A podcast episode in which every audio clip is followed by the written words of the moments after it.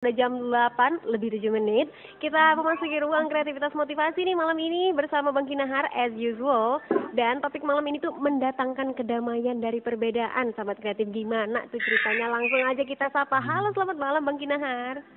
Halo, selamat malam Kak. Halo, selamat malam. Apa kabar Bang Kinahar? Uh, alhamdulillah, alhamdulillah, alhamdulillah. Alhamdulillah luar biasa nggak Luar nih? biasa, luar biasa. Kakak, iya, harus kita harus kita yang sehat ya, meluar biasakan diri sendiri gitu ya Bang. Gimana, gimana? Harus kita yang meluar biasakan diri sendiri. Iya, betul, betul. Memang air laut tuh harus asin sendiri memang Kak. Berharap diakinin orang agak payah memang. Eh, eh, aduh, gimana nabur garam nggak? Nanti nanti sakit. Nabur garamnya rupanya pas pas saat kita terluka, Bang. Aduh. Tiba-tiba Oke. mengarah Malam ini, Bang. gitu kita. Malam ini mendatangkan kedamaian dari perbedaan, Bang Kinahar. Iya, insya Allah. Iya, gimana nih ceritanya? Bolehlah kita langsung aja kalau begitu. Iya. Hmm. Jadi gini nih pengantar nih, kenapa lah bawa bawa judul ini gitu ya? Aha. Memang akhir-akhir ini tuh eh, saya sama ada kawan-kawan yang ter kan kita ada kelas tuh kan kelas kelas kelas apa ya namanya kelas karakter gitu ya Oh, Oke. kelas cara berpikir di di Ranto namanya generasi hati. Jadi eh, lagi lagi hot-hotnya kami ini fokusnya tuh di ini di kelas rumah tangga namanya gitu. Jadi tuh Waduh. pesertanya tuh khusus eh, ibu-ibu lah. Ibu-ibu atau ya istri-istri ataupun yang akan mau menikah gitu kan. Jadi Oke. kita bercerita tentang eh, cara berpikir istri itu sebenarnya bagaimana gitu. Jadi ada hal ada hal yang menarik memang terkait dengan dengan rumah tangga ini gitu kayak kayaknya kayak kayaknya lucu kadang aneh gitu kadang kok gini gitu ya misalnya tunggu, tuh dari tunggu, tunggu, Bang Ah, ya, oke, Berarti oke, ini kita malam ini mau bahas soal eh, rumah tangga nih. enggak enggak kita umum aja dulu walaupun mungkin Oh, banyak oke. contohnya di rumah tangga gitu ya Oke. Karena- karena di rumah tangga nih yang yang amat sangat terasa walaupun sebenarnya dalam kehidupan pun terasa juga si perbedaan itu. Mhm. tapi dalam rumah tangga ini memang ya terasa juga terasa kali pun gitu. Di mana laki-laki dan perempuan itu tidak ada samanya bisa dibilang begitu gitu ya. Jadi Mhm. semuanya beda gitu. Tapi kita dituntut untuk sakinah mawaddah warohmah gitu kalau istilah orang Islamnya gitu kan. Jadi dituntut untuk mendatangkan kedamaian gitu. Logika umum gitu ya. Bagaimana mungkin bisa berdamai? Bagaimana datangnya eh dari mana datangnya kedamaian ketika ada dua dua orang yang benar-benar berbeda itu itu disuruh tinggal satu atap gitu. Nah kalau dalam kehidupan umumnya ya kita pun di kantor kita gitu juga gitu kan. Beda-beda mau mau dari sisi jabatan berbeda atau dari sisi apa lagi ya? Da- Iya, banyak lah malah- bukan cuma dua kepala gitu ya, Bang. Iya, bahkan Tapi lebih banyak. Nah, heeh, iya jadi benar. kalau kalau kalau dilihat sebenarnya berkemungkinan untuk clash atau berkemungkinan untuk perang gitu ya, perang tanda petik gitu ya. Itu tuh sangat sangat sangat sangat sangat mungkin gitu. Sangat mungkin gitu. Apalagi kalau masing-masing ini sangat dominan dengan keegoannya gitu kan. Jadi ya ya mak ya makin gampang kita untuk berperang gitulah gitu. Nah, itu sih latar belakangnya. Jadi makanya timbul pertanyaan, jadi bagaimana caranya walaupun kita ini berbeda eh, tapi bisa berdamai gitu. Eh, bisa sama-sama happy gitu, bukan cuma di rumah tangga, tapi di semua hal lah. Di kantor mungkin, di pertemanan dan lain-lain gitu ya. Bagaimana caranya agar bisa berdamai gitu. Karena eh, kalau dibilang fokusnya ke rumah tangga ya agak agak-agak boleh lah kita bilang begitu.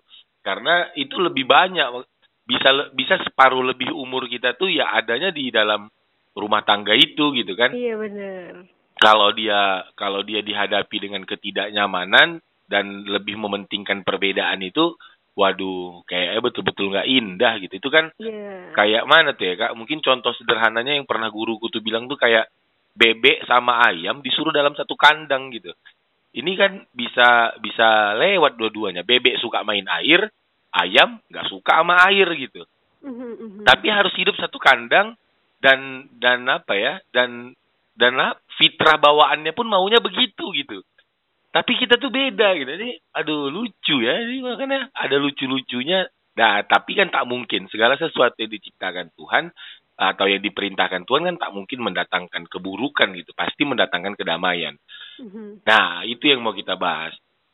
Itu yang mau kita ceritakan bagaimana agar bisa berdamai terus. Berdamai ini dalam segala pengertian ya, berbahagia, happy gitu dan lain-lain. Nyaman. Nyaman, ya nyaman. Walaupun dia udah-udah kakak singgung sih sebenarnya gitu, yang kayak cerita air laut kita barusan tadi itu ya.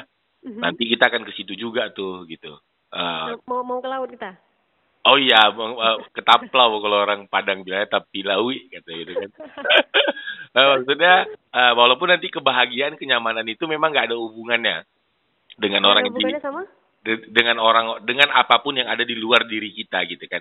Jadi memang air laut tuh ya harus asin sendiri. Jadi kalau mau bahagia tuh ya harus bahagia sendiri gitu maksudnya. Ah, Jadi nggak bisa kita harap diasinin kalau istilah kita di awal-awal mulai tadi gitu kan. Iya iya iya. Ah, nggak bisa dia diasinin oleh orang lain Nah, gitu. Nah, diasinin pun kalau kitanya nolak dari diri gitu ya. Ya nggak bisa, nggak kita nggak akan asin-asin gitu. Jadi mau seberapa banyak pun, tapi kalau memang kita nggak mau ya enggak gitu. Benar. Tapi kalaupun memang kita mau asin, walaupun yang datang gula sekalipun, gula itu pun akan terasa asin. Wih, ya.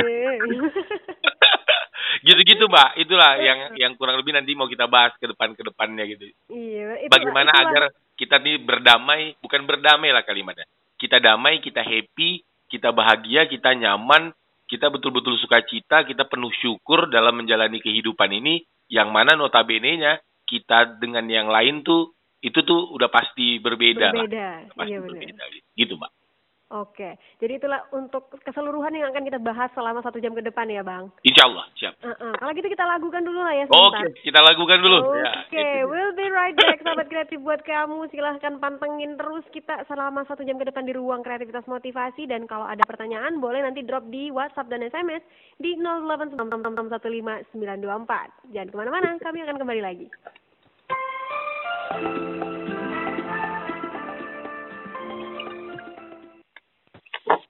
Kamu mendengarkan RRI Pro 2 FM Suara Kreativitas.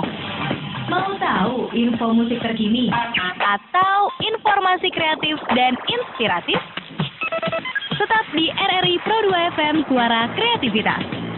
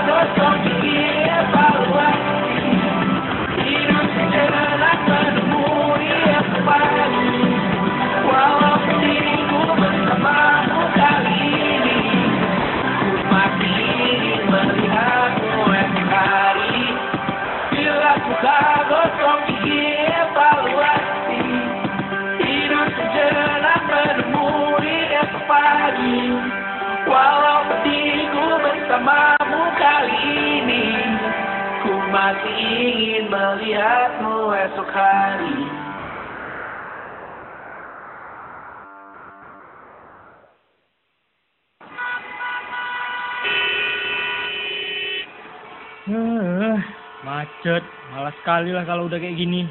Iya nih, jadi suntuk pun aku. Emosi lagi nih buatnya. Hmm, gimana kalau kita dengerin radio aja?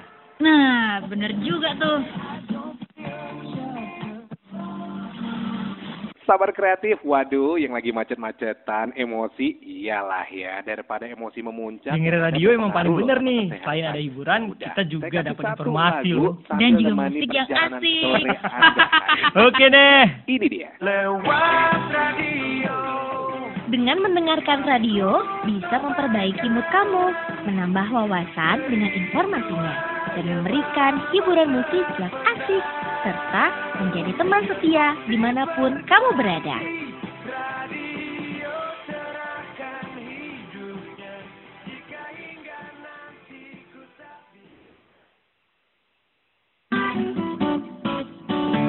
Sembilan 92,4 FM RRI Pro 2 Medan, suara kreativitas.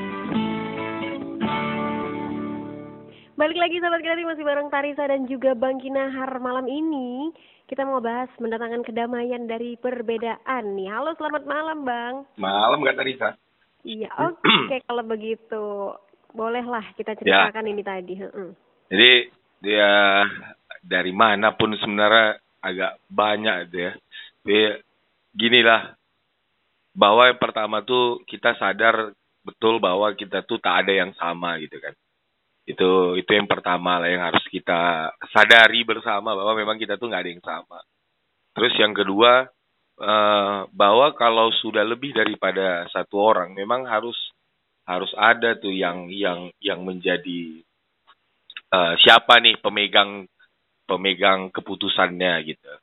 Jadi kalau dalam istilah lain tuh kita pilihlah siapa leader kita, siapa pimpinan kita. Ketika lebih daripada satu orang Mhm. itu harus kita tentukan itu. Kenapa itu penting gitu? Karena yang saya renung-renungkan gitu kan, berbeda nih eh, menjadi pertikaian, menjadi perselisihan dan menjadi konflik itu apabila masing-masing nanti eh, menginginkan apa yang dia inginkan yang diwujudkan gitu. Ego.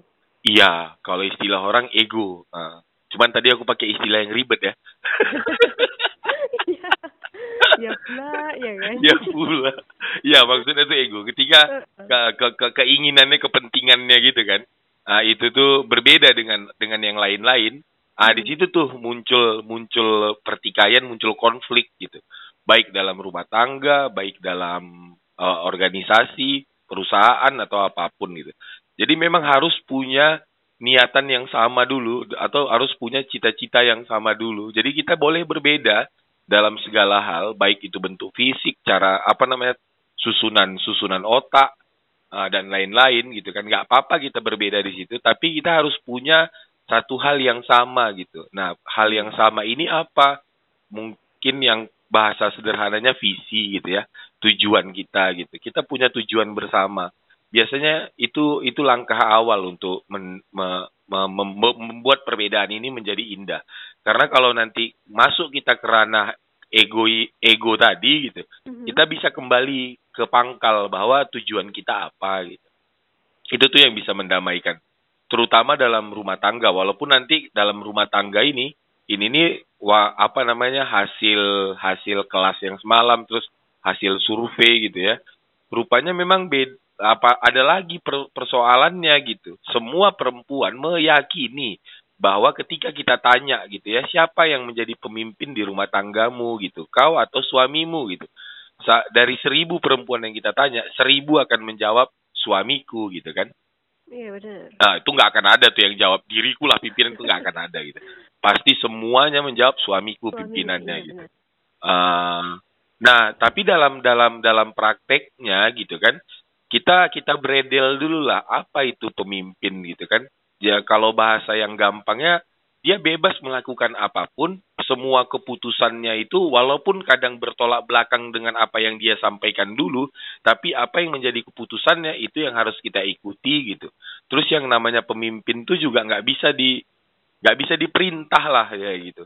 Tapi kalau untuk diberikan saran, diminta tolong mungkin saja. Itu pun kita tidak tidak tidak tidak bisa memaksakan ke apa namanya per, permintaan kita atau minta tolong kita tadi itu uh, di, di diikutinya gitu kan. Itu baru kita memang benar-benar melihat pasangan kita atau suami kita itu sebagai pemimpin. Cuman memang fakta yang menarik itu uh, banyak wanita ini jadinya agak apa ya nanti kak kak, kak Tarisa boleh lah komen gitu karena kan kakak hmm. wanita juga gitu ya yang uh, uh, yang yang dia tuh enggak apa namanya ya enggak mudah untuk menerima apa pun yang diputuskan oleh pasangannya gitu suaminya gitu. Berbeda ketika di kantor memang.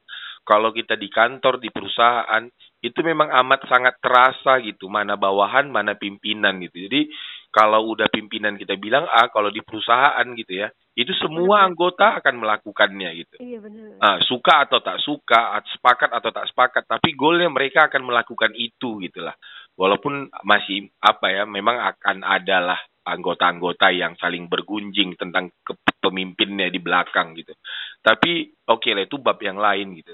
Tapi yang pasti, walaupun mereka bergunjing itu, mereka masih berusaha untuk mewujudkan apa yang diperintahkan oleh pimpinannya. Nah, berbeda ketika masuk dalam rumah tangga gitu. Ketika, walaupun kita sudah sepakat bahwa suami kita adalah pimpinan, tapi memang keputusan-keputusan yang dia buat, suami buat itu, itu tidak serta-merta diikuti dengan mudah oleh para istri gitu banyak ya maksudnya dengan model yang keluhan atau uh, muka masam gitu kan atau bahkan sampai ada yang nangis gitu.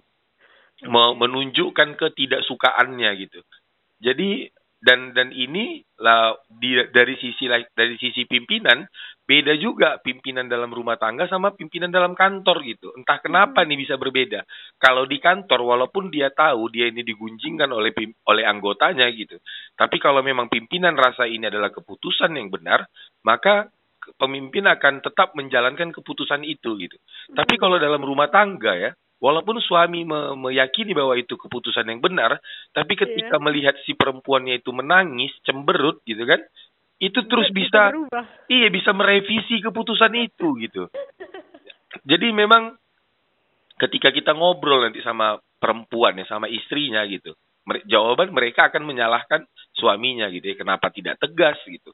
Kalau tegas saja ya nggak apa-apa kami paling cuma cemberut sebentar saja. Itu tuh dalilnya sih perempuan gitu kan. Tapi waktu kita tanya sama suaminya gitu kenapa kau nggak tegaskan saja gitu? Nggak sampai hati aku ya, gitu. iya bener. gitu kan tiba aku gitu untuk untuk kayak mana aku mau negaskannya? Baru kayak gitu aja dia sudah begitu gitu. Apalagi kalau aku tegaskan gitu kan bisa entah apa-apa lah nanti yang terjadi gitu. Jadi banyak halusinasi yang yang yang ngeri gitu di dalam otak si si suami gitu. Nah kalau posisinya begini gitu, mm-hmm. nah, maksudnya sebelum sebelum sampai kalau posisinya, maksudnya kenapa itu bisa terjadi kan lagi-lagi kalau kita apa ya renungkan sekilas saja gitu. Kenapa ada istri yang mas me, me, apa namanya cemberut iya. ketika diberikan keputusan? Kenapa mm-hmm. ada anggota yang yang yang yang dia ngeluh, yang dia mengguncingkan pimpinannya ketika pimpinannya itu memberikan sebuah perintah atau keputusan. Uh, jawaban sederhananya mungkin karena ada yang yang titik nyamannya dia yang terganggu gitu kan. Jadi zona nyamannya sudah mulai terusik gitu. Maka mulailah uh, hal-hal tadi karena tak sanggup untuk melawan dalam pengertian uh, membalas nggak mungkin dia pimpinanku mau dipukul juga nggak mungkin gitu kan mau dicaci maki juga nggak mungkin gitu jadi cara mereka me mengekspresikan uh, keegoannya tadi itu atau ketidaksetujuannya atau dalam bahasa lain yang zona nyamannya tadi itu terganggu, yaitu dengan keluhan, dengan gunjingan, kalau suami istri yaitu dengan tangisan, dengan cemberutan gitu dan sejenisnya gitu. Nah, nggak kalau kalau mau pakai gaya begini itu nggak akan enak itu berada dalam organisasi atau rumah tangga gitu jadi kadang yang salah itu sebenarnya bukan perbedaannya terakhir gitu. Kalau kita apa ya perbedaan itu memang sudah fitrah dari Tuhan, memang sudah bawaan lahiriah kita mhm. berbeda. Jadi kadang yang bikin perselisihan kita bukan perbedaannya, tapi keegoan kita, uh, keegoan kita gitu, ke, keinginan kita yang memang harus dimiliki atau kalau dilebarkan ke tempat ke bahasa yang lain karena ketidakpatuhan kita kepada pemimpin kita gitu. karena apa ya kengeyelan kita gitu merasa benarnya kita dan seterusnya gitu tapi kalau itu semua bisa dihilangkan caranya dengan menanamkan dengan memupuk rasa rendah hati kesadaran patuh tanpa syarat bahagia tanpa syarat aku rasa hal-hal yang memungkinkan untuk menimbulkan konflik atau pertikaian itu itu tidak terjadi gitu dan tidak akan kita temukan lagi wanita yang cemberut ketika diminta tolong oleh suaminya gitu gitu apanya itu kayaknya nih udah udah klop rasa ya bahasan ini dan ini tinggal penjabaran penjabarannya aja lah lagi nanti gitu Berarti karena memang kita tuh di satu sisi masih pengen keinginan kita tuh itu yang terjadi gitu ya. Ego Iya. tadi. Maka nah, kalau kita cerita lagi nanti mis- eh, ke, sama sih bahasanya dalam rumah tangga atau dalam organisasi pertanyaannya gini gitu. Kau cintakah kepada keluargamu? Cintakah kepada suamimu gitu kan? Jawaban semua istri akan menjawab cinta. Cinta. Begitu pula dengan para anggota. Cintakah kau dengan perusahaanmu ini yang memberikan kau nafkah? Tentu jawabannya cinta. Tapi dalam prakteknya mereka tuh bukan mencintai perusahaannya, bukan mencintai suaminya atau keluarganya. Tapi sebenarnya mereka mencintai diri mereka sendiri gitu.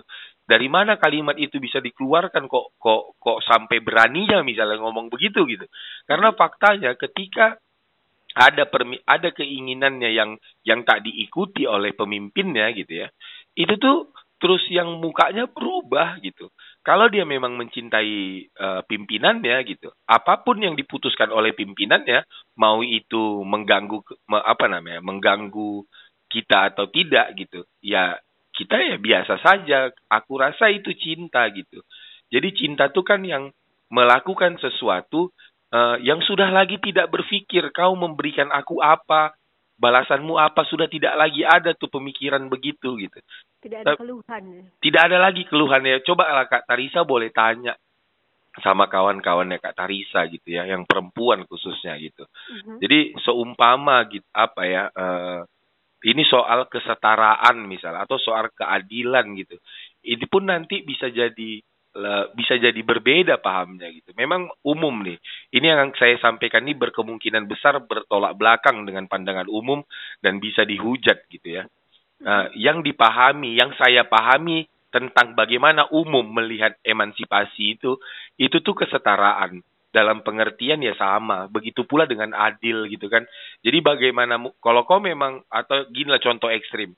Kau kalau kau dekat sama cewek lain gitu, aku juga dekat sama cowok lain gitu. Nah ini kalimatnya ini yang ngeri. Maksudnya itu kan kalimat kesetaraan gitu kan. Mhm. Sedangkan kalau kita balik ke pangkal dasar awal, apa itu pimpinan, apa itu anggota, tidak ada kesetaraan di situ gitu. Memang memang hidup ini tidak setara. Kalau saya boleh ini hasil perenungan sih gitu. Bahwa hidup ini tidak setara kalau bahasa kawan saya, sahabat saya, hidup ini berkasta gitu. Jadi memang nggak bisa sama semua orang gitu. Makanya yang Tuhan lihat bukan titel jabatanmu, tapi yang dia lihat itu hatimu, imanmu gitu kan. Karena kalau dilihat dari di luar daripada keimanan, kita tuh berkasta gitu. Laki-laki dan perempuan sudah jelas beda kastanya. Perempuan laki-laki diberikan kelebihan, baik itu tenaga atau apa pun gitu kan. Nah, perempuan juga diberikan kelebihan gitu. Tapi dari sisi yang lain. Jadi kalau untuk mungkin dari sisi memaafkan, perempuan lebih besar maafnya daripada laki-laki. Dan dari sisi memaafkan itu artinya kasta perempuan tentu lebih tinggi daripada si laki-laki gitu. Jadi memang begitulah hidup ini gitu.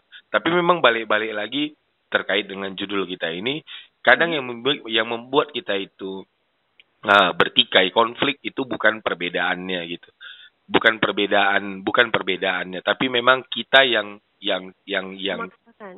iya iya kita yang nggak mau patuh kita yang nggak mau kita yang yang belum benar-benar mencintai pimpinan kita gitu dalam dalam hal apa pun gitu kayak yang bisa disampaikan Mbak Tarisa Oke, berarti kayak nggak akan ada kedamaian yang berasal dari pemaksaan gitu ya. iya iya Harusnya bisa menghormati eh, satu sama lain, mungkin menghormati perbedaan itu sendiri gitu nggak sih? gimana gimana Mbak Jadi rasa damainya itu akan datang, akan diperoleh kalau kita mampu menghormati malahan perbedaan itu tadi gitu. Jadi Nah. bukan memaksakan keinginan kita sendirinya, balik-balik lagi ke ego lah ya bang ya. Iya dan dan kita sadar posisi ya, sadar posisi, sadar kodrat, ya gitu-gitu gitu. Itu juga dapat membuat eh, perbedaan itu eh, jadi indah, jadi damai gitu. Kalau nggak sadar kita sama posisi kita, kita ini siapa, posisi kita di mana gitu ya. Nah ini, ini bisa gawat nih gitu. Jadi kesadaran akan itulah, itu juga menjadi hal yang penting. ya. Iya, tapi itu emang agak susah diraih sih kayaknya Bang. Maksudnya kita balik lagi ke ngobrolin eh, suami dan istri tadi Oke, ya. oke. Di mana istri kadang masih mau ngejel, kalau dibilangin masih mau cemberut, masih mau Iya. ya udah dilakuin, tapi mukanya tuh berubah gitu ya. Iya, iya, iya. Nah itu Iya. tuh sebenarnya memang agak agak susah untuk diubah gitu. Bahkan sebelum ke suami istri aja, mungkin kalau masih fase-fase yang mau menuju ke situ, misalnya kayak orang sekarang mungkin ada yang pacaran, Hmm, gitu. Terus si eh, cowoknya nih nggak bisa ngikutin kemauan si cewek, ceweknya langsung cemberut dan segala macem gitu. Kayak gimana ya? Agak susah memang kayaknya untuk mengubah itu gitu. Iya sepakat gitu Mbak. Memang untuk me- merubah itu tuh ya memang tidak hal yang gampang karena itu menjadi nilai di kepala kita juga hasil drill yang lama gitu kan. Ah, dari tontonan kita, dari mungkin keluarga, dari orang tua kita yang kita lihat, atau dari orang tua kawan-kawan, atau dari kawan-kawan kita yang berumah tangga. Kan banyak tuh ya yang yang membuat itu menjadi satu nilai di ke dalam kepala kita, di dalam kepala kita gitu, menjadi keyakinan gitu. Bahwa memang begitu harusnya gitu kan. Udah turun temurun gitu ya. Iya, jadi banyak kali tuh atau bahkan bahasa ini kayaknya umum sih gitu. Waktu tuh uh, orang tua saya tuh kebetulan kepala di salah satu di salah satu perusahaan gitu kan. Mhm. Terus uh, mama mama mama aku nih, mama saya ini pernah cerita gini gitu. Jadi ada satu yang yang yang anggota-anggota itu inginkan gitu. Jadi dia ngelobinya bukan ke bos cowok, tapi malah ke bos cewek gitu. Jadi minta tolong bos cewek yang sampaikan gitu kan. Uh, kan maksudnya hal yang begini tuh amat sangat banyak gitu. Iya iya benar. Ah, jadi eh, waktu ngobrol gitu ya apa apa namanya kalau balik ke kasus bosku gitu yang dipikir jawaban mamaku gini yang dipikir orang itu yang bapakmu ini bisa kukendalikan gitu jawabannya gitu kan.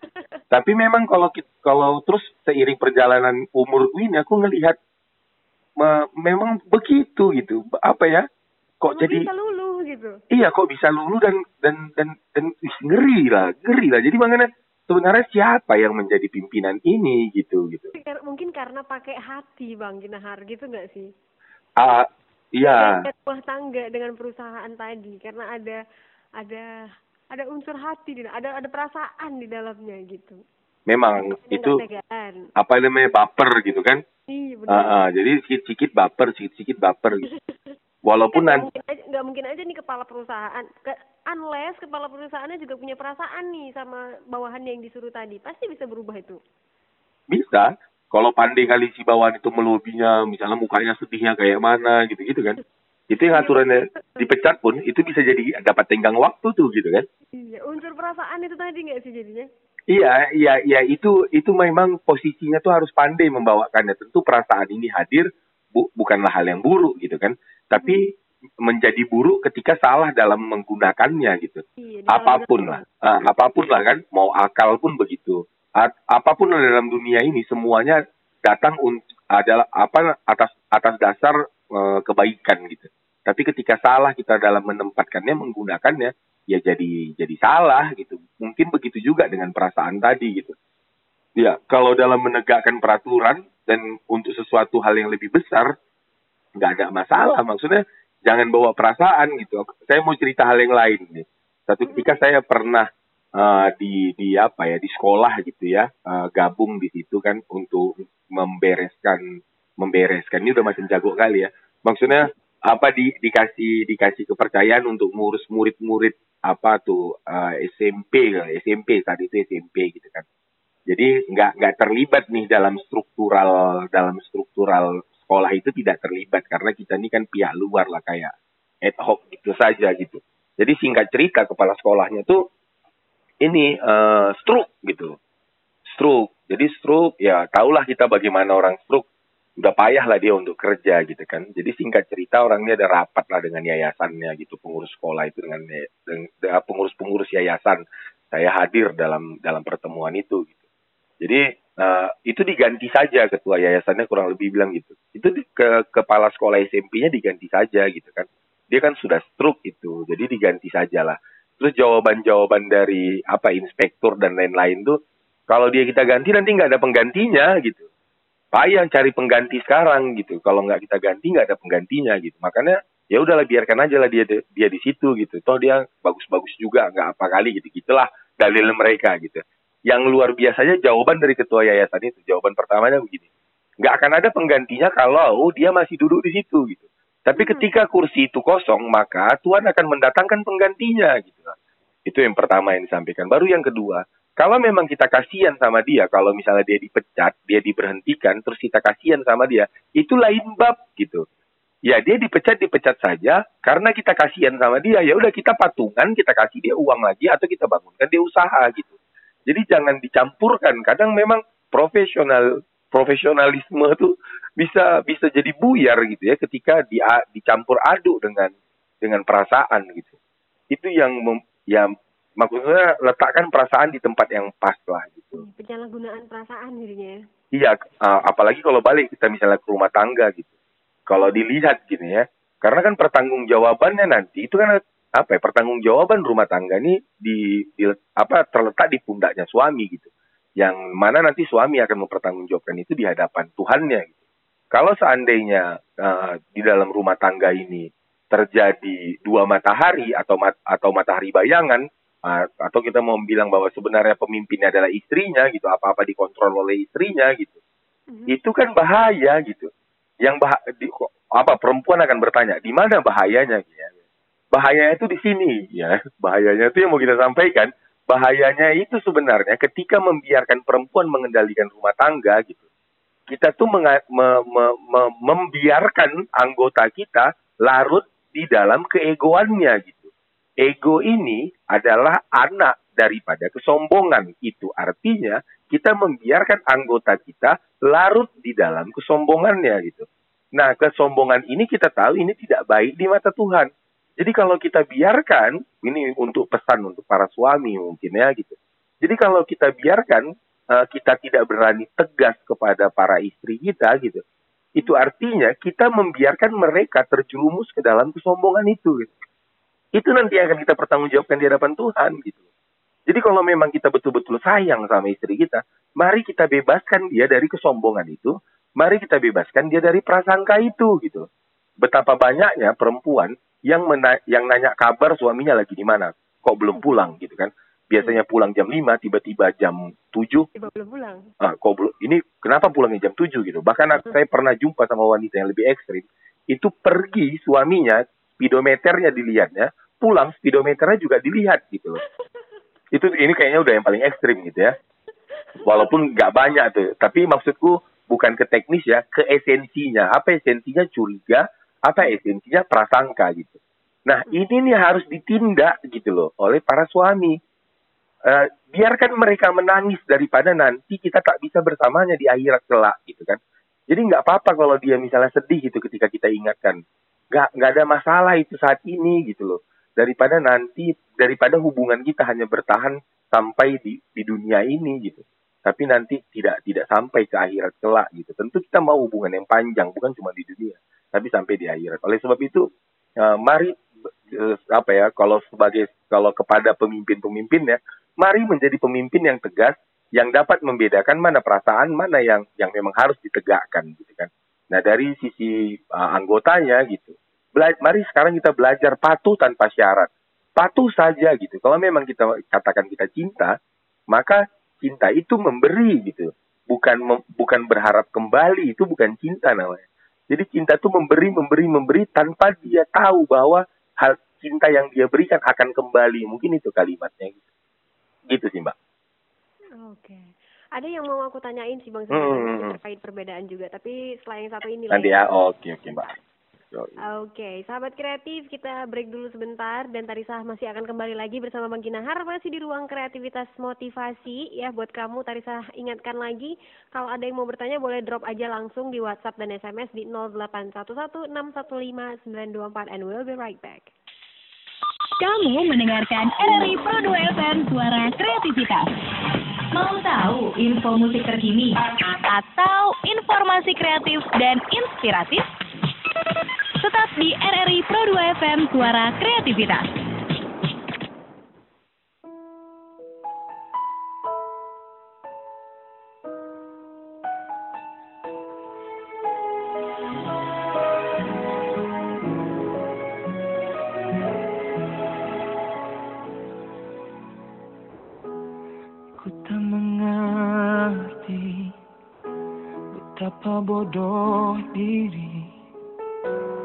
Membiarkanmu pergi jauh dari hati.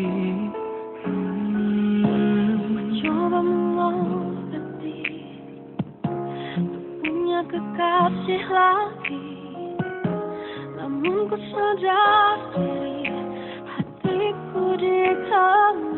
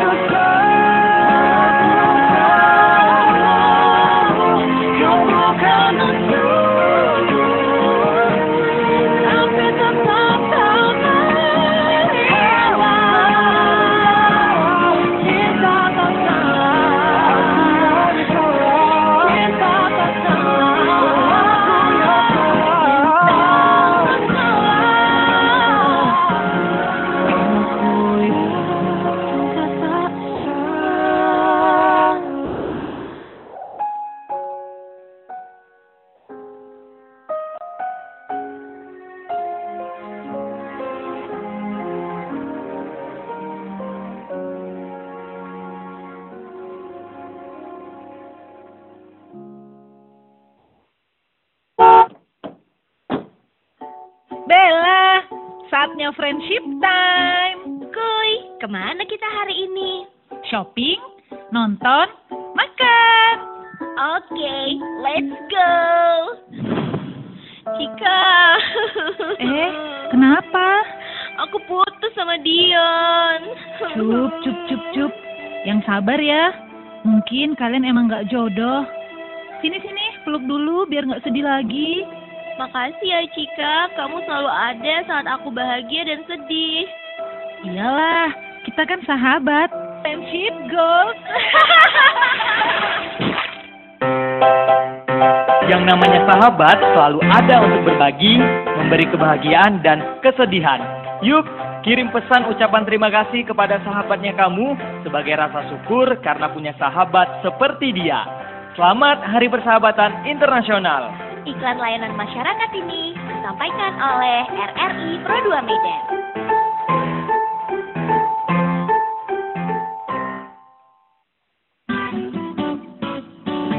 Sembilan dua koma empat FM RRI Pro 2 Medan, suara kreativitas. We're back, sahabat kreatif masih di ruang kreativitas motivasi bersama Bang Kinahar ya dengan topik mendatangkan kedamaian dari perbedaan. Halo Bang Kinahar. Halo Kak Tarisa. Iya, halo. Tadi yang mau aku tanyain tuh sebenarnya lebih ke gimana sih cara kita nyadarin orang ya. Kadang sebenarnya masih banyak orang yang nggak sadar kalau sebenarnya kita tuh berbeda-beda gitu, Bang. Jadi maksudnya kayak gini, banyak orang yang eh, kepengen kita tuh sama sama kayak dia. Jadi misal nih ya satu hal lah, misal kita kayak kalau bergaul itu ada yang modelnya memang eh suka ngobrolin orang lain gitu. Iya, iya. Terus ada tipikal orang yang tidak mau tuh bergabung dengan hal-hal yang seperti itu. Nah, ketika kita nggak mau gabung untuk ngobrolin orang lain, terus kayak merekanya malah apa sih gini gini gini gitu. Kayak seolah-olah kita tuh harus sama sama dia, harus juga kita Iya, iya. ngobrol eh, ngobrolin orang lain gitu. Itu salah satu contoh. Masih ada banyak contoh yang lain. Jadi Oke. intinya tuh memang kayaknya dia tuh memaksa kita untuk sama gitu. Padahal harus paham tiap insan itu beda gitu. Iya, iya. Ya, iya, iya. di, Gimana di, cara memahamkan orang gitu. di, di, dipikir orang tuh apa ya? Bahwa Ya, banyak yang sejenis dia sama gitu. dia, gitu. Ah. itu tuh itu tuh awal ini tuh, awal awal awal kesengsaraan sebenarnya gitu. Aduh. Ah, karena sama mereka yang menginginkan gitu, gitu pasti nggak nyaman gitu kan ketika jumpa sama kita gitu kan. Heeh. Ah, pasti dia. Jadi eh, eh, di kalau kita besarkan lagi gitu, memang berpikir harus sama itu tuh awal kesengsaraan, nggak bisa gitu. Ini nggak bisa. Kita harus bisa melihat betul-betul bahwa kita ini berbeda. Terus bagaimana cara menyampaikan itu sama mereka gitu? Mhm. Ah, ya disampaikan kayak biasa saja sebenarnya gitu. Tapi tidak bisa sekali sampaikan gitu, Mbak. Jadi nggak ada teknik ah, yang terbaik selain daripada pengulangan. Pengulangan dan menyampaikannya di sesi yang memang sedang berbahagia. Kayaknya dari sekian banyak metode komunikasi yang yang yang pernah ku ikuti gitu kan. eh, cara yang paling baik itu memang pengulangan. Jadi kita ulang aja nggak bosan-bosan gitu sampai ada lagu gitu. Nggak bosan-bosan gitu. Sampaikan terus gitu. Sampaikan terus, sampaikan terus, sampaikan terus tapi dengan nuansa yang betul-betul happy gitu ya. Karena dia berpikir begitu tuh, itu tuh eh, apa namanya? Segala sesuatu yang kita yakini itu tuh berawal dari eh, pengulangan-pengulangan juga gitu. Bahwa yang cantik itu yang begini gitu, misalnya gitu ya. Yang cantik itu kayak A. Kenapa kita bisa bilang yang cantik itu yang A? Karena udah pengulangan di mana-mana yang kita lihat memang yang begitu. Semua orang memujinya begitu gitu. Jadinya itu misalnya yang mau kita lawan. Kita mau bilang bahwa cantik itu nggak begitu gitu kan. Kita mau menyampaikan itu gitu. Apa yang bisa kita buat gitu. Memang terus terus menerus menyampaikan itu dengan berbagai macam perumpamaan dan lain-lain tapi poinnya tak bosan-bosan lah untuk terus mengulang-ulangnya gitu. Nah, Karena itu kalau dia. sekali bosan habis. Hmm. Itu dia bang. Kadang-kadang kita kayak jadinya juga males gitu kan. Ih, jadi jadi muak sendiri gitu sama lingkungan yang seperti itu. Jadi kayak rasanya I'm not fit in that society gitu. Kayaknya aku nggak cocok deh di lingkungan ini. Jadinya kayak gitu gitu. Iya, nah ini lain ini ini ini lain lagi babnya gitu kan. Oh, gitu. Kalau memang kita cinta dengan mereka gitu kan, seharusnya tidak ada kalimat itu gitu. Bagaimana seorang ibu kepada anaknya juga nggak bosan-bosan gitu kan. Tapi karena apa? Karena cintanya. Tapi kenapa kita bisa bosan dan jenuh? Itu artinya memang kita memang nggak nggak berharap dia itu masuk ke dalam ranah kebaikan gitu. Jadi kalau mau pakai istilah yang lain lagi, ketika jenuh itu datang, itu wujud lain dari kesombongan, wujud da- wujud lain dari merasa lebih baik gitu loh mbak. Jadi ngeri gitu. Apa ya maksudku ngeri ya. Tapi ini kalau direnung-renungkan lebih dalam gitu. Kenapa kita bosan? Ya itu artinya kita udah gak cinta sama dia. Itu artinya kita memang bosan. Itu artinya kita memang mem- membiarkan dia tetap di tetap di jalan yang salah itu gitu. Nah kalau kita membiarkan dia dengan apa di jalan yang salah itu, ya kita pun salah gitu kan. Kenapa kita mera- apa ya? Kenapa kita bosan gitu untuk menyampaikan itu gitu? Apa kita merasa lebih baik dari dia gitu? Ada gitu pula ya. Iya, jadi jadi jadi kadang apa ya maksudnya ya kerennya dunia ini gitu yang dibuat Tuhan ini gitu. Kita rasa baik pun itu kalau nggak hati-hati sebenarnya itu adalah wujud lain dari kejahatan itu gitu. Tapi wujud yang halusnya gitu. Karena aduh apa ya memang untuk apa selalu berpikir bahwa sudah benarkah aku ini sudah di jalan yang benarkah aku ini itu memang harus rutin gitu. kita rasa kita ini baik-baik saja, tapi sebenarnya waduh luar biasa. Seperti pernikahan lah, banyak tuh yang banyak merasa bahwa keluarganya baik-baik saja gitu. Tapi kalau mau jujur, kita tanya satu-satu gitu. Pasti ya, Bu Ahmad ini pakai istilah pasti pula. Maksudnya kemungkinan besar. Salah satu ada yang tidak bahagia, terutama yang hari libur jalan-jalan dengan pasangannya gitu. Itu biasanya nggak bahagia tuh cowoknya ya. Cowoknya nggak bahagia ya? Kakak bisa tanya nanti sama kawan-kawan kakak yang cowok. Pertanyaannya sederhana saja. Ketika hari libur tiba, kau lebih milih jalan bersama pasanganmu atau tidur gitu. Itu aja Tidur. pilih jawabnya. Saya meyakini gitu ya. Jawabannya tuh tidur. Terus kita tanya lagi, kalau memang kau pengen tidur, kenapa kau mau jalan dengan pasanganmu gitu? Jawabannya daripada konflik gitu. Daripada berantem. ya. Loh, betul. Nah, hal ini tidak dirasakan oleh banyak perempuan gitu. Jadi mereka rasa itu biasa-biasa saja gitu. Dan memang beginilah seharusnya gitu. Tapi ya itu yang kita yang istilah kita tadi gitu. Yang kita rasa biasa-biasa saja belum tentu. Jadi jangan pernah merasa bahwa kita ini sudah aman-aman saja gitu. Coba cross check kembali gitu. Apa yang terlihat nggak seperti itu gitu ya? Gitu juga kadang ya mungkin ya.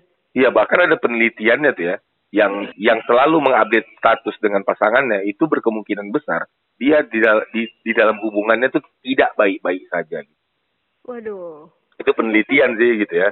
Jadi kalau yang sering update status dengan pasangannya itu biasanya nggak baik-baik saja tuh.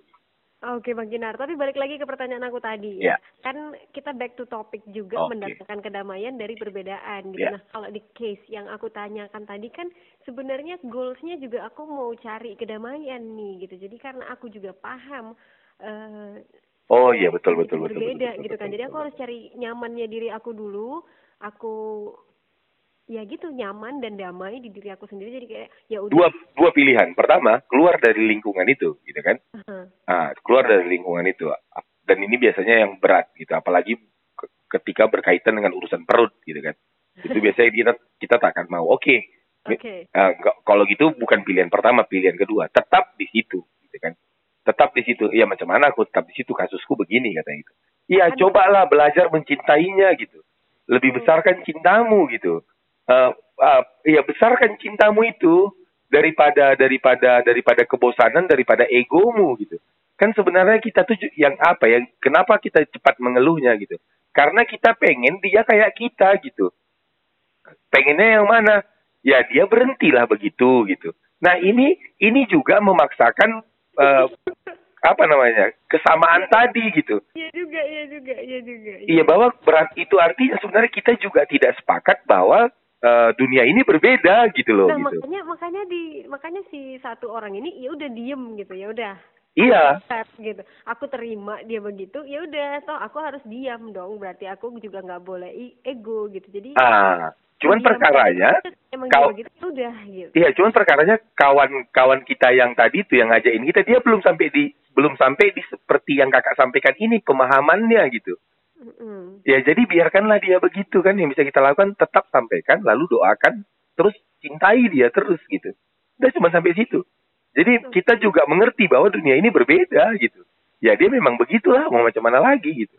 siap, siap, siap. Tapi kan bukan berarti kita lepas tangan terus membiarkan dia begitu kan bukan begitu tentunya gitu kan. Ya kita tetap melakukan uh, atas dasar cinta kita tadi sampaikan selagi bisa, sampaikan selagi bisa ya terus terus terus itu. Terus keinginan kita juga dia itu ingin cepat berubah itu tuh juga itu juga kesalahan cara berpikir gitu. Semua orang punya prosesnya kan. Jadi nggak ada tuh banyak orang tua yang takut anaknya tuh jangan kau begitu nanti kau nanti kau begini. Oke karena orang tua sudah menjalani ya jadi dia tahu mana yang benar mana yang baik gitu. Makanya ke, dari dari sisi anak dari sisi anggota kau patuh saja sebenarnya begitu. Tapi kan perkaranya anak-anak ini nggak patuh gitu. Jadi macam mana nih? gitu. Ya ya kita sadarilah bahwa semua orang itu punya jalan yang menuju kebenaran gitu. Jadi mungkin itu jalannya. Toh kita juga dulu melewati beberapa kesalahan untuk mendapatkan sebuah kebenaran gitu kan. Kenapa kita tidak mengizinkan eh, anak kita anggota kita juga eh, me- me- mengalami hal itu gitu kalau memang memang begitulah takdirnya gitu. Ya tapi tentu kita juga dengan kalimatku ini juga bukan berarti kita lepas tangan ya nggak gitu ya ya Iya. tetaplah kita berupaya untuk nyampaikan nyampaikan nyampaikan nyampaikan nyampaikan begitu mbak tidak bosan-bosan. tidak bosan-bosan Oke. gitu karena memaksakan kebenaran itu juga sebuah kesombongan. Itu kalimat Oke. guru. Bang Kinahar karena waktu kita terbatas nih ya, udah mau jam 9, Bang langsung aja kita ke kesimpulan Abang untuk malam inilah. Ya, yang pertama tuh memang ini sayangnya Mbak ada kan. Hmm? Sebenarnya di, di kegiatan yang malam ini tuh saya ada bilang ke beberapa yang klien lah istilahnya yang yang yang pernah ngubungin saya tentang masalah rumah tangga dan sejenisnya untuk dengar obrolan kita malam ini. Tapi rupanya streamingnya lagi tak baik tuh malam iya, ini gitu. streamingnya lagi gangguan bener sekarang. Heeh, jadi oke lah mereka nanti mendengar di tempat yang lain lah ya gitu kan. Terus kalau balik ke kesimpulan kita apa yang pertama perbedaan tuh hal yang lumrah gitu. Penyatunya hanya eh, penyatunya ialah memiliki visi yang sama. Jadi yang bisa disamakan itu visi. Yang bisa disamakan tuh tujuan kita apa gitu. Dalam rumah tangga tujuan berumah tangga apa. Jadi pesan kepada orang-orang yang belum masuk ke ranah rumah tangga gitu. Jadi bukan hanya sekedar jalan bareng, ah, makan bareng, bukan itu gitu. Tapi coba obrolkan, coba diskusikan. Nanti kalau kita nikah, sebenarnya pernikahan kita ini mau kayak mana. Jadi ada diskusi begitu gitu. Jadi kalaupun nanti sudah masuk ke ranah pernikahan, udah nggak ada lagi penyesalan, tinggal menikmati saja gitu. Jangan nyesal. Aduh nyesal aku nih. Jangan nggak ada lagi tuh kalimat-kalimat begitu gitu. Kalau mau kalau mau nyesal ini sekarang yang belum putus-putus saja gitu lah. Kalau memang nggak sama cara berpikirnya, udah selesai aja. Cari yang lain gitu loh. Nggak bagi yang sudah menikah tapi belum pernah melakukan obrolan itu, lakukanlah obrolan itu gitu. Dan baru yang berikutnya perbedaan ini agar agar damai bagaimana? Tahu kondi, tahu tahu tupoksi, tahu kodrat, tahu tahu tahu posisi kita, tahu duduk kita di mana. Gitu. Jadi waktu diskusi nanti ya saat ya tahu diri gitu. Ini kalau pakai istilah ekstrim ya, tahu diri istri itu sebagai apa, suami itu sebagai apa gitu. Ya udah, habis itu main gitu loh, eh, berdialog lah seenaknya gitu. Dan semua pemahaman memang tidak harus langsung bisa diterima. Biarkan dulu dicerna. Tapi untuk mencerna sebuah kebenaran itu memang diperlukan keterbukaan gitu loh. Kalau kita nggak terbuka, maksudnya itu tertutup dengan keinginan-keinginan kita, sulit masuknya paham kebenaran itu gitu. Jadi hilangkan dulu semua keinginan kita, hilangkan dulu semua pemahaman-pemahaman kita. Ayo kita diskusi secara secara sehat gitu kan. Rujukannya ya kitab suci di agamanya masing-masing lah gitu. Seketika apabila keputusan kita bertolak belakang dengan apa yang ada di kitab suci kita, maka ya udah jangan diikutin gitu. Jadi kitab sucinya bukan kitab-kitab psikolog dari barat sana gitu loh. Enggak gitu. Kita udah punya kok ke kitab psikolog terbaik menurutku ya kitab suci gitu. Dia sudah diaturnya kodrat kita, dia sudah diaturnya fitrah kita gitu. Jadi balik ke situ lagi gitu. Balik ke situ lagi dan dan dan apa namanya eh, perbedaan ini akan menjadi konflik kalau memang mengedepankan kesombongan. Oleh sebab itu, mari sama-sama belajar untuk terus rendah hati. Mari kita besarkan cinta dan dan dan dan kali, mengulang kalimat yang udah kita keluarkan tadi itu kayaknya keren juga gitu ya. Bahwa ketika kita memang menyatakan kita mencintainya, yang namanya cinta adalah terus-terusan berbuat tanpa mengetahui atau tak pernah berpikir bahwa nanti cinta kita itu akan kembali lagi sama kita itu. Jadi tanpa memikirkan itu tapi terus berbuat.